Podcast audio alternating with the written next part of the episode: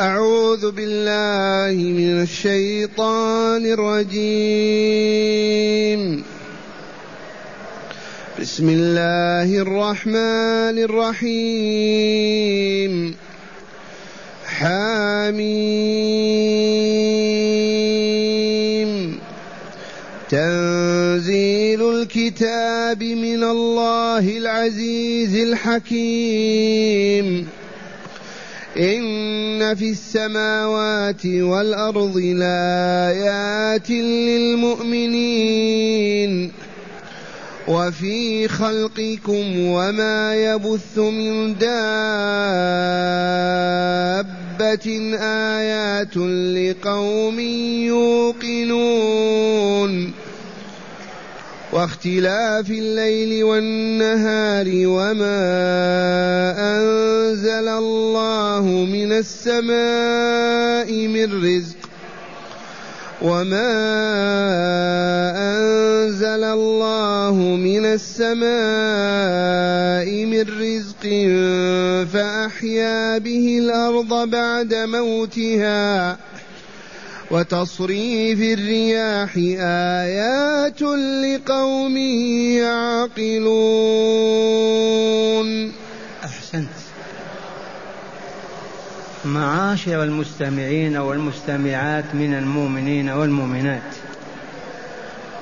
قول ربنا جل ذكره حاميم الذي علمناه وعملنا به وهو ما كان عليه سلف الأمة الصالح هو أن نقول الله أعلم بمراده به. لفظ حاميم كطاسين. تقول على علم الله أعلم بمراده به. تفوض أمر فهمه ومعناه إلى الله. إذ لم يشرحه لنا رسول الله صلى الله عليه وسلم ولم يقل فيه شيئا فهو من الحروف المقطعة فنقول حاميم الله أعلم بمراده به. وهناك فائدتان جليلتان في هذه الحروف المقطعة ما ننساهما. الأولى لما أنكر المشركون العرب أن القرآن كلام الله وكذبوا وكفروا وكانوا يقولون لا تسمعوا لهذا القرآن والغوا فيه. فلما يفتتح الله الصورة بهذه الحروف يضطر الكافر إلى أن يصغي ويسمع. فإذا أصغى واستمع يدخل الإيمان في قلبه وآمنوا بذلك. فهذه فائدة. وأخرى لما كذبوا بالقرآن ولم يؤمنوا بأنه كلام الله تحداهم الله بأن يأتوا بمثله.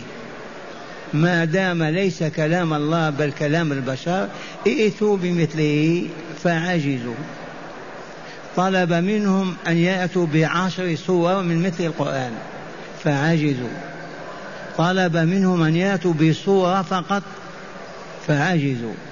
فدل ذلك على أنه كلام الله. هذا هو القرآن الكريم كلام الله رب العالمين.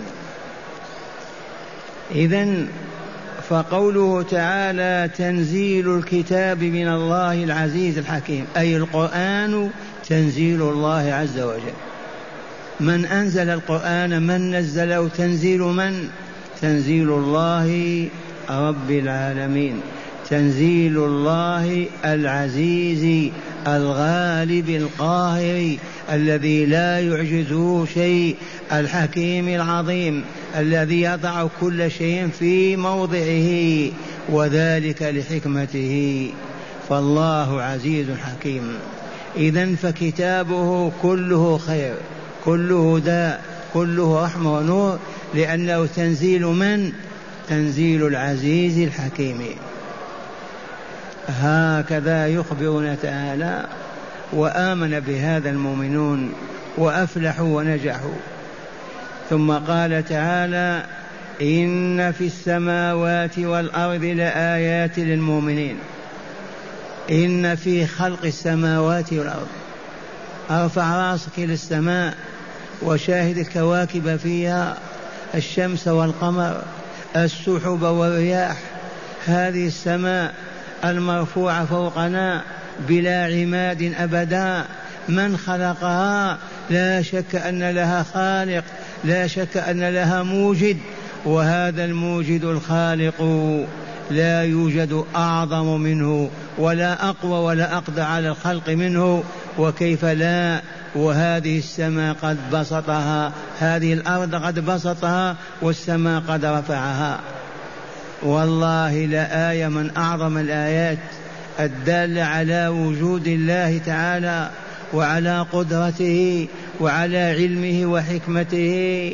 السماء في السماوات والأرض هذه الأرض المبسوطة وما فيها من الجبال والتلال والأنهار والمياه والبحار والملا والإنس والحيوان.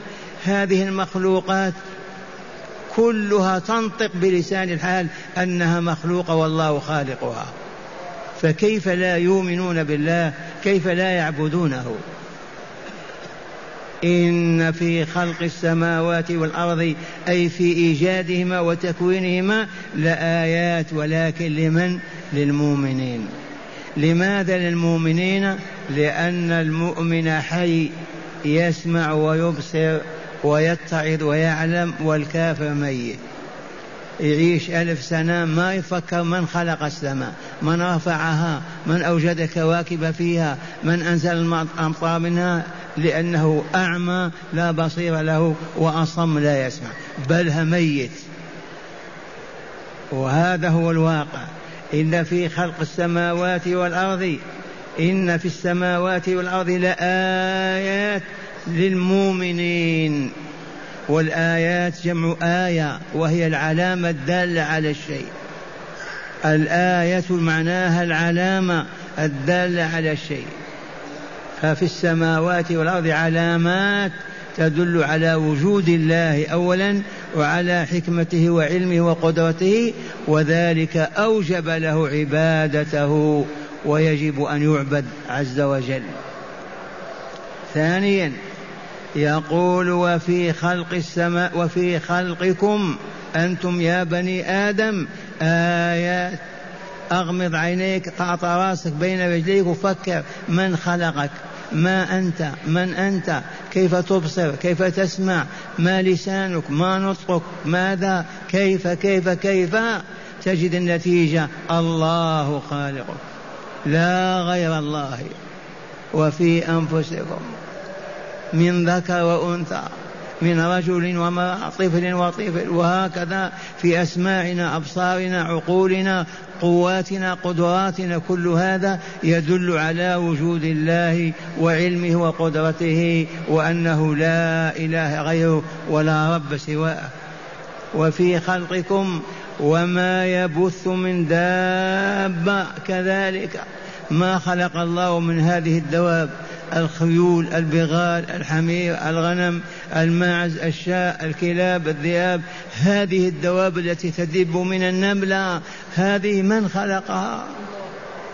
وجدت بنفسها مستحيل. لها موجد لها خالق. ذلكم هو الله. هذه آية ولكن للمؤمنين. أحياء أما الكافرون أموات والعياذ بالله تعالى. هل فكر كافر في يوم من الأيام؟ قال هذه الشاة من خلقها لنحلب لبنها ونشرب لبنها ونأكل لحمها وننتفع بصوفها من فعل هذا؟ هل سأل؟ ما يسألون. ما يشاهدون شيئا. حقيقة مسلمة الكفار أموات. ما هم بأحياء. المؤمنون هم الأحياء. يسمعون ويبصرون ويعطون ويأخذون ويعملون ويتركون وذلك لكمال حياتهم. أما الكافر ميت. وفي خلقكم وما يبث الله تعالى من دابة آيات جمع آية علامات على وجود الله وعلمه وقدرته المستوجبة لربوبيته المستوجبة لألوهيته. فلا رب غيره ولا إله سواه. هذه الآيات لقوم يوقنون. الإيمان درجة أولى واليقين بعد ذلك. يؤمن العبد اولا ثم يرتقي في إيمانه إلى أن يصبح ذا يقين فاليقين أعلى درجة. الإيمان أن تصدق بالخبر وتقول آمنت به واليقين أن ينت أن يصبح ذلك في قلبك كأنه مرسوم في القلب ما يفارقه. لا يرتا لا, لا يأتي شك أبدا ولا ريب. اليقين. إذا وفي خلقكم وما يبث من دابة آيات أي علامات دالة على الله وعلمه وقدرته وألوهيته ولكن لمن؟ لقوم يوقنون. الذين تجاوز إيمانهم مستوى فأصبح يقينا. اليقين لا يطغى معه شك ولا ريب أبدا. ثالثا أو رابعا قال واختلاف الليل والنهار. الليل والنهار آيتان عظيمتان. من أعظم الآيات العلامات يعني الدالة على وجود الله وعلى علمه وقدرته المستوجبة لربوبيته وعبادته. لا إله إلا هو ولا رب, ولا رب سواه. واختلاف الليل والنهار. الليل أسود والنهار أبيض. من فعل هذا؟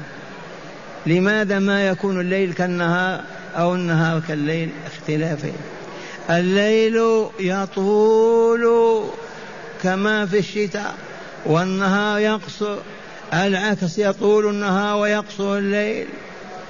يختلفان في الطول والقصار من فعل هذا؟ من أوجد الليل والنهار. من رتبهم هذا الترتيب؟ جعل الليل ثم النهار لا يستويان في ساعة واحدة أبدا.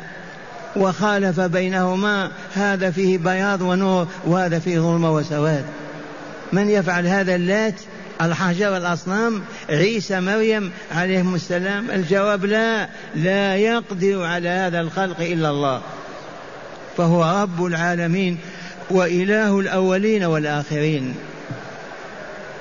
هكذا يقول تعالى وقوله الحق وفي واختلاف الليل والنهار وما أنزل الله من السماء من رزق فأحيا به الأرض بعد موتها. ذي آيات أعظم من تلك وهي وما أنزل الله من السماء من رزق ألا وهو المطر. وسمي المطر رزقا لأن الرزق به. إذ به تنبت الأرض الزرع والحبوب والثمار والفواكه. إذا وما أنزل من وما أنزل الله من السماء من رزق. الرزق هو الما هو المطر الذي ينزل من السماء فيحيي به الأرض بعد موتها. كانت يابسة جافة ثم تحيا وتهتز وتخرج النباتات والزروع وما إلى ذلك. فأحيا به الأرض بعد موتها وآخر الآيات تصريف الرياح. مرة شمالية مرة جنوبية مرة صبا شرقية مرة كذا غربية تصريفها مرة ريح عاصفة مرة نسيم طيب كذا. هذا التصريف من يقدر عليه؟ من فاعل هذا؟ من يملكه؟ فليقولوا اللات العزى عيسى موسى إبراهيم من يقول؟ ما فيه إلا أن نقول الله. والله لا إله إلا الله ولا رب سواه أبدا. هذه الآيات الإلهية التي هي علامات تهدي المتفكرين وتهدي المستمعين وتهدي المتأملين إلى أن يصبحوا مؤمنين موقنين أحياء وسواهم أموات والعياذ بالله تعالى. هذه الآيات التي تجعلنا نقتنع أتم الاقتناع بأن الله ربنا ورب العالمين. بأنه لا يعبد إلى الله بأنه لا يقوى على فعل ولا ترك إلا الله بأن الخلق والرزق بيد الله وهكذا نعيش مع الله. قلوبنا مملوءة بذكره ألسنتنا لا يفارقها الذكر وهكذا بفضل الله تعالى وبمنه علينا بهذا القرآن العظيم. هذا القرآن العظيم. حاميم. تنزيل كتاب من الله العزيز الحكيم. إن في السماوات والأرض لآيات للمؤمنين. وفي خلقكم وما يبث من دابة آيات لقوم يوقنون. واختلاف الليل والنهار وما أنزل الله من السماء من رزق فأحيا به الأرض بعد موتها وتصريف الرياح آيات لقوم يعقلون. فالعقل هو السبب في الفهم والإدراك. والذين يتنكرون لعقولهم ولا يسمعون لها ولا يستجيبون يصرون على الضلال والباطل والهبوط والعياذ بالله. أما من أعطاه الله عقلا يفكر به ويهتدي ما إن ينظر إلى السماء فقط حتى يقول سبحان الله. ينظر إلى نفسه فقط من وجدني يقول آمنت بالله لا إله إلا الله. ينظر فقط إلى ظلمة الليل وضياء النهار يقول لا إله إلا الله دائما مع الله لأنه يعقل والذين لا عقول لهم كالبهائم والعياذ بالله تعالى. فقدوا أسماعهم وأبصارهم وأصبحوا كالحيوانات. نظروا إلى الله من ذلك ونعوذ بالله من حالهم. هداية الآيات. بسم الله والحمد لله. والصلاة والسلام على خير خلق الله سيدنا ونبينا محمد وعلى آله وصحبه. من هداية هذه الآيات أولا عظم شأن القرآن الكريم لأنه تنزيل الله العزيز الحكيم. من هداية هذه الآيات عظم شأن القرآن. عظم شأن القرآن شأن عظيم وإلا لا؟ لما؟ لأنه تنزيل الله العزيز الحكيم. ما هو كلام زيد ولا عمر ولا فلان ولا فلان ولا سحر ولا شعر ولا تجهيل تنزيل من الله العزيز الحكيم. القرآن له شأن عظيم وإلا لا؟ شأن العظيم أن البشرية ما استطاعت أن تأتي بمثله ولا بصورة من صوره. شأنه عظيم. يحمل الهدى والنور للبشرية. من أعرض عنه هلك عمي وهلك ومن أقبل عليه وقرأ وتدبره سمع وبصر واهتدى. نعم. ثانيا الإيمان أعم من اليقين ومقدم عليه في الترتيب واليقين أعلى أعلى في المرتبة. أي نعم. من هداية هذه الآيات الإيمان واليقين. الإيمان أعم في أعم من أعم مؤمن مؤمنون. لكن والموقنون أقل مستوى اليقين أقل. الإيمان عام. أنا مؤمن وأنت مؤمن. ولكن هناك ما هو ما يسمى باليقين.